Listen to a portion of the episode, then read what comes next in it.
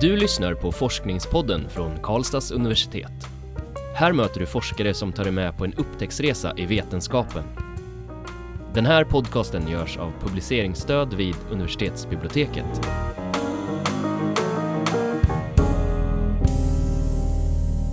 Hej och välkomna, mitt namn är Nadja. Jag heter Magnus. Och med oss i studion har vi biologen Anna Hagelin. Välkommen Anna. Tack. Eh, vi ska prata med dig om din forskning som handlar om bevarandet av fiskarten atlantlax.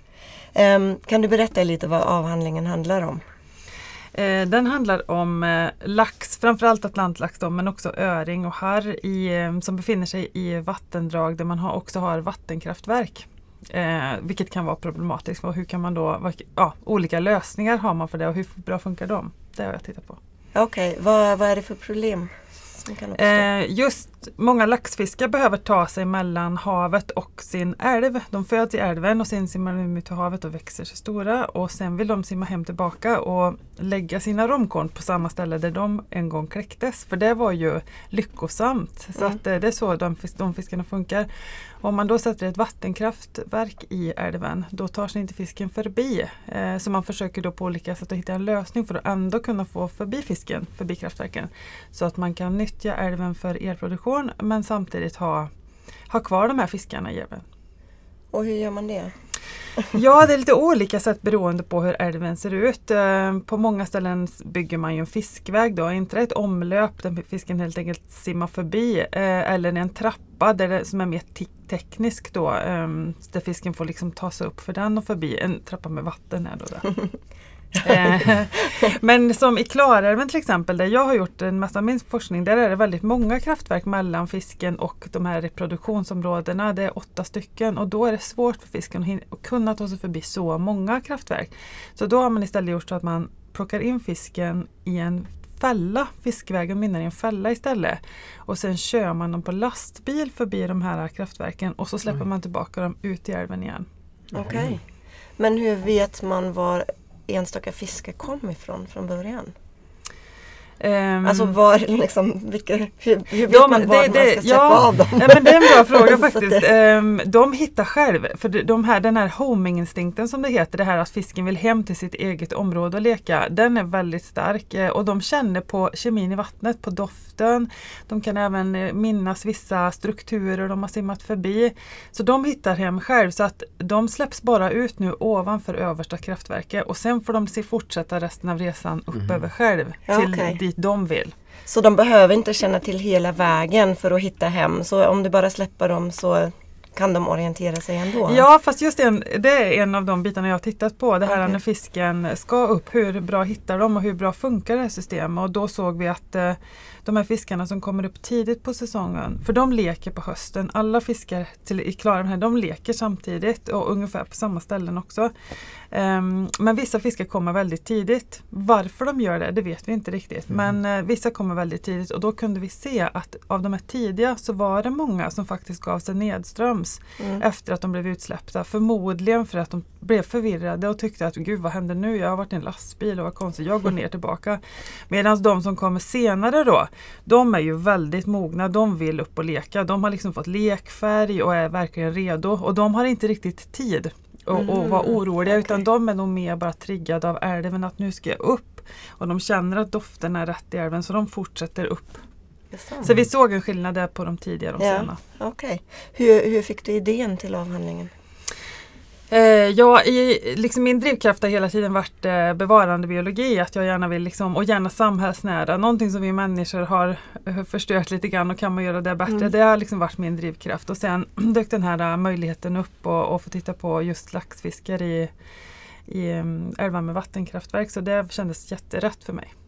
Kan du berätta mer om hur du, hur du har gått tillväga i forskningen för att undersöka detta? Ja, eh, vi har använt en metod just för det här och när man tittar på fisken ute i älven, vi kanske, kan ju själva inte vara i vattnet och se fisken så då har vi använt oss av en metod som heter telemetri eh, och vi har helt enkelt satt radiosändare på fiskarna.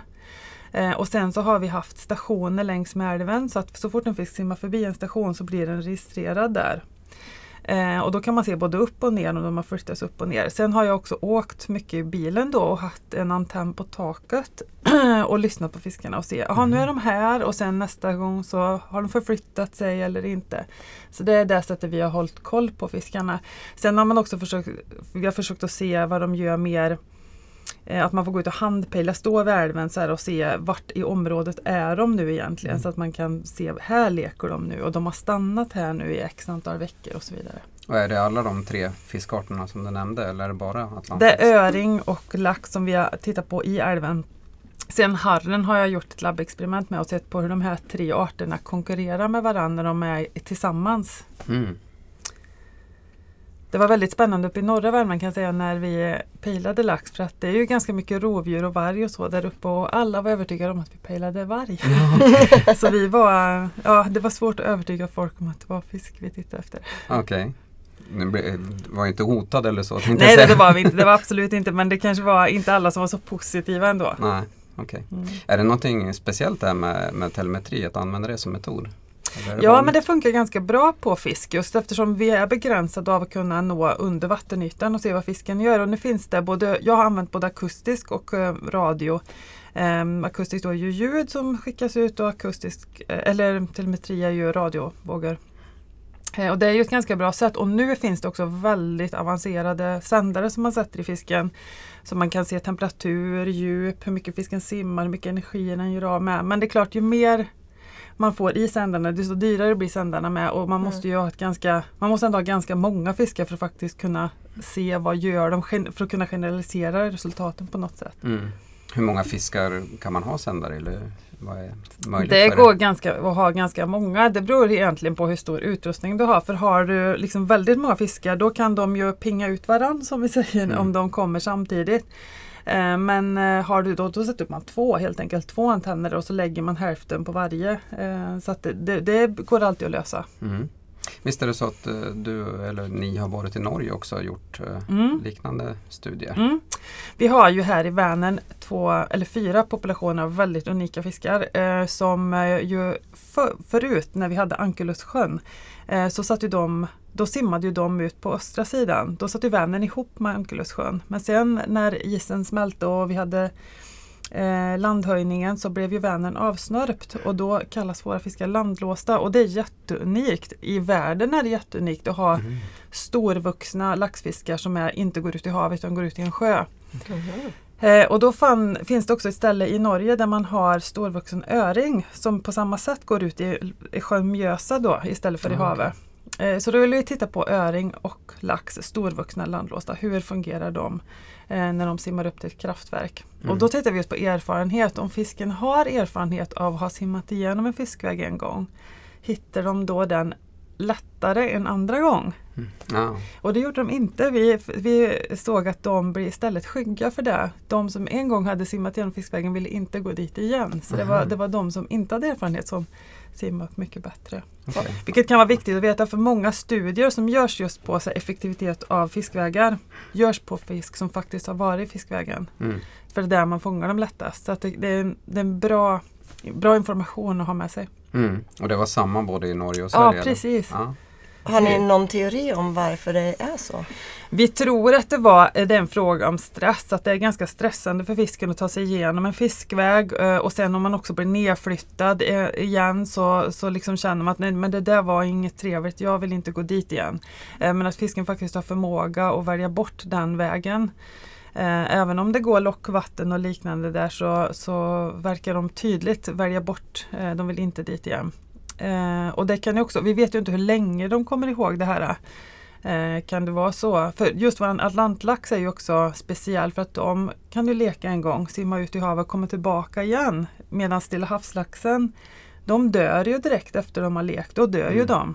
Eh, och kan de komma ihåg det här till nästa år? Kan det liksom bli en fördröjd effekt av det här också? Mm. Eller om de kommer upp till nästa kraftverk, om det är fler än ett förknippar de då en fiskväg med något obehagligt även på nästa ställe. Så mm. det kan ju få effekter på mer långtgående effekter än just där och då. Mm.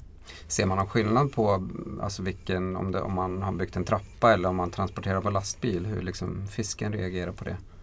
Eh, Det är nog väldigt beroende på hur miljön ser ut och hur transporten sker och hur man hanterar fisken när man tar dem i transport. Men man brukar säga att har man mer än fem kraftverk då klarar inte fisken att ta sig förbi så många för att de blir alltid fördröjda. Vi såg här i Forshaga att det var ungefär tre veckors fördröjning innan fisken hittar in. Mm. Det, det varierar där beroende på hur flödet i älven är just då men, men eh, man blir, de blir fördröjda och det sliter på dem och, och de hoppar in i betong och li, lite mm. så. Eh, och har man för många då så kommer de bli försenade, de hinner inte upp då. Eh, plus att det är ju en en stressam situation för dem också. Mm. Men man brukar sätta som en gräns att är det mer än fem då är inte fiskvägen en bra lösning. Då är förmodligen trap and transport som vi kallar det när man fångar dem och kör en plastbil en bättre lösning. Kan du ge lite grann kontext och fundera hur stort problem eh, är det på ett övergripande plan för, för de här fiskarna? Ja, om man ser globalt sett så är ju över hälften av eh, våra stora vattendrag eh, utbyggda med kraftverk. Mm. globalt sett och, och laxfiskar minskar över hela världen. Okay. så det är ett jätteallvarligt problem. och i Sverige har vi ju vattenkraften står för ungefär 40 procent av energiproduktionen i Sverige. Och det kanske inte är energiproduktionen i sig som är det absolut viktigaste men vattnet ger oss en möjlighet att kunna reglera energin. Så att när samhället kräver mycket energi um, på veckodagar när industrin är igång och liknande, då kan man liksom öppna eh, vattenkraftverken mer, köra på och sen kan man bromsa på helgerna och nätterna när det inte går åt så mycket energi. Eh, och den reglerförmågan är ju unik för vatten. Den har vi ju inte med vind mm. till exempel utan när det blåser så blåser det. Mm. Eh, och vi har liksom ett problem att lagra energi så att på så vis är vattenkraften väldigt viktig och, och, och samhället har behov av den. Mm. Plus att det också är en, en um, klimatvänlig energiform. Och påverkar det fisken mycket om just kraften i vattenflödena och sånt? Ja, mm. jättemycket. Just den här som jag sa med ga man gasar och bromsar, mm. korttidsreglering som vi kallar det. Den påverkar fisken jättemycket. Uh, och det påverkar inte bara fisken, det påverkar liksom miljön i vattendragen överlag. Insekter och vilket ju då är mat till mm. fisken uh, påverkas också jättemycket av det. Att uh, vattenlinjen går upp och ner och strömförhållandena förändras. Så det är den här orienteringen som du sa tidigare som kanske påverkas? Den påverkas absolut ja. Och sen även när fisken till exempel har lagt sina romkorn och grävt ner dem. För de gräver mm. ju en grop och så lägger de romkornen och lägger över stenar. Så gör ju laxar. Eh, och om det sen då minskar flödet då blir det helt andra förhållanden där. Mm. Eh, så att det, är ju, det kan påverka liksom på flera livsstadier. Mm. Eller att de spolas bort. Eh, precis, att de mm. spolas bort. Okej. Okay. Um, vad, vad, tycker du är din avhandlings viktigaste bidrag i den här viktiga frågan? Ja framförallt så tycker jag eh, att vi har kunnat liksom understryka att det är otroligt stor variation. Det är oftast man mäter just när fiskvägseffektivitet och liknande så kan man se att det är väldigt stor skillnad från år till år och till och med från dag till dag. Eh, att älvarna är unika. Eh, och att många av de här lösningarna som vi har i älvarna de, de fungerar kanske inte optimalt och att man att vi, kan, vi har kunnat understryka att vi be man behöver förfina de här teknikerna och åtgärderna man gör för att kunna hjälpa fisken bättre. Ja, jag funderar på dem, jag måste bara komma tillbaka till de här trapporna som du pratade om. Hur, hur likt är de en riktig vattenmiljö? Alltså, ja. Om man tänker hur mycket mer skulle man kunna anpassa dem till de riktiga förhållanden? Är det, är det någonting som är något helt annat? Eller? Nej men det är, det är jätteolika. Det, det, det som man har ofta problem med med en fiskväg eh, är att man, fisken inte hittar dit. För att när det kommer fisk för, ut ur turbinerna då, då går ju fisken dit för de vill gå dit där det är mest vatten. Mm. De vill liksom mm. följa huvudflödet så de, de hamnar oftast vid turbinerna. Och sen om det spills vatten genom stora spillluckor då hamnar de där. Och någonstans där ska du också ha en öppning till en fiskväg och då måste det komma liksom mycket vatten ur den mm. med för att de faktiskt ska hitta dit. Så placeringen av fiskvägen är jätteviktig, att man, att man placerar den på ett ställe där fisken naturligt drar sig mot. Eh, och sen att man har tillräckligt mycket lockvatten, att fisken faktiskt hittar det här lockvattnet och, och söker sig upp. För de söker när de kommer upp. De står inte bara stilla på ett ställe utan de, de rör sig då. Um, sen finns det olika typer av fiskvägar. Om vi pratar om omlöp som är mer då som en bäck kan man säga som, som går runt kraftverket. Då kan oftast många arter tas upp där och då, det kan även fungera som ett habitat. att Vissa arter kan till och med bo där då. Insekter och andra fiskar och liknande. Medan om man har en mer fisktrappa, en mer traditionell, den är en teknisk fiskväg och det finns olika typer där med. Men då kräver oftast man är en star att man är starksimmande mm. som då laxfiskar. Men det är kanske inte är så många andra arter som kan nyttja den utan då gäller det att man är duktig på att simma och kan verkligen hoppa upp och ta sig förbi. Så det beror lite grann på vad har man för behov i den här älven, vad har vi för fiskarter och vilka vill vi ska mm. ta sig upp. Eller vilka behöver tas upp kanske man ska säga. Mm. Okay. Um, ehm, vad, vad, tror du om framtiden för atlantlaxen i Klarälven? Hur ser den ut? Ja, jag tror ändå att uh, den ser uh, bra ut. Uh, det är det har gjort förbättringar redan sedan jag började med att jobba här och det är fler förbättringar på gång.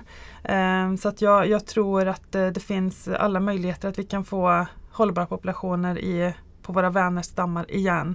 Ehm, men det kräver nog lite vilja både från, från samhället och från myndigheter eh, för att få till det. Mm. Vilka planer har du själv för framtiden? I den här frågan? Ja. Ska fortsätta, ja. Ja, jag jobbar nu på Länsstyrelsen i Västra Götaland med att ta fram en förvaltningsplan just för lax och öring i Vänern. Så att nu tar jag med mig min forskning ut i, i sjön ett tag. Spännande. Eh, Anna, det börjar bli dags för oss att eh, avrunda detta samtal nu. Eh, sen, som avslutning, nu är du färdig med din doktorsavhandling och är färdig doktor. Har du något bra tips till eh, doktorander som kommer efter dig? Hur ska man göra för att ta sig igenom? Um, jag tänker att om man liksom är intresserad av det man gör och tycker det är roligt så är det ju det roligaste man kan göra. Så jag tycker man ska bara försöka njuta av tiden man har och sen um, försöka liksom hitta sina vägar till det man själv brinner för mest. Mm. Uh, och sen får man ju vara beredd på att ibland går det inte alltid som man vill och så får man ha en plan B. Okej. Okay. Plan B och ha glädjen i ja, forskningen helt enkelt. Precis. Uh, det var väldigt spännande och roligt att du har gästat oss här i Forskningspodden idag. Tack så mycket Anna. Tack. Och lycka till med ditt eh, fortsatta arbete också. Eh, vi vill också tacka er som har lyssnat idag. Om ni vill läsa Anna Hagelins doktorsavhandling i biologi så heter den Conservation of Landlocked Atlantic Salmon in a Regulated River. Behavior of Migratory Spawners and Juveniles. Du hittar den i vår publikationsdatabas DIVA. Välkommen tillbaka. Du har lyssnat på Forskningspodden från Karlstads universitet. Den här podcasten görs av publiceringsstöd vid universitetsbiblioteket. Alla avsnitt hittar du på kau.se forskningspodden.